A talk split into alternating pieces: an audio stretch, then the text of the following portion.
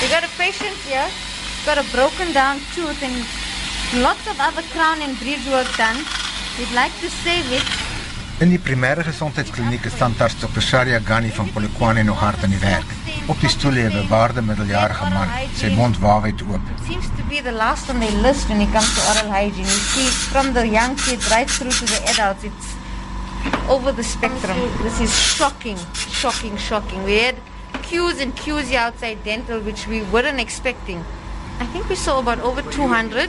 We actually expected only to do extractions, but so many of them don't want to extract and they get very upset and emotional. So, what we tend to do is we try and sift them out. Those whose oral hygiene is okay, we try and do a bit of restorative work as well. Dr. Gani sê baie van die kinders kom in met absesse. Coming from carious teeth that have spread down to the pulp, causing bad abscesses, cellulitis, facial swellings. We also see a lot of adults that we extract the teeth, and a day or two later, they come with huge swellings because of the smoking and you know the oral hygiene as well, reinfecting the sockets after we've extracted.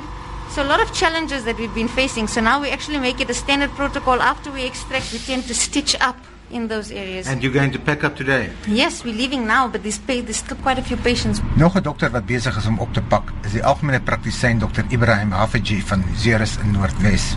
Hy en sy drie kollegas by die kliniek het tot 40 pasiënte per dag die afgelope 9 dae gesien. Meer as 1000 in totaal. هلا ما ما عندك مشكله معها Hij zei die symptomen van die burgeroorlog is duidelijk bij die mensen te zien.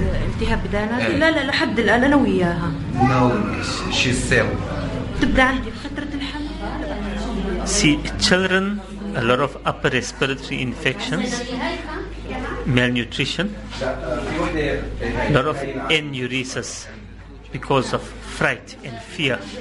So, psychological effects of what is happening around them. Then we are even seeing the younger, especially ladies, suffering the consequences of all the stress that they're experiencing palpitations, insomnia, tremors of the body. Amongst the elderly, it's the normal osteoarthritis, hypertension, body pains, also a little bit of insomnia, sleeplessness. Volgens Dr. Hafeji is primêre gesondheidsorg net een van die behoeftes van die gemeenskap in die oorloggetuisterde gebied. You're giving education in terms of diet, but they look at you with like a blank face. There is no money to get that food that you are telling us what we need to get. A lot of the things are difficult. People just eat and live off what they can barely get. Dr. Mohammed Wahed van Welkom stem saam dat die oorlog lei tot psigosomatiese probleme. because of the situation, they're all coming with very vague complaints and things like that, and it's basically put down to stress, anxiety, stuff like that.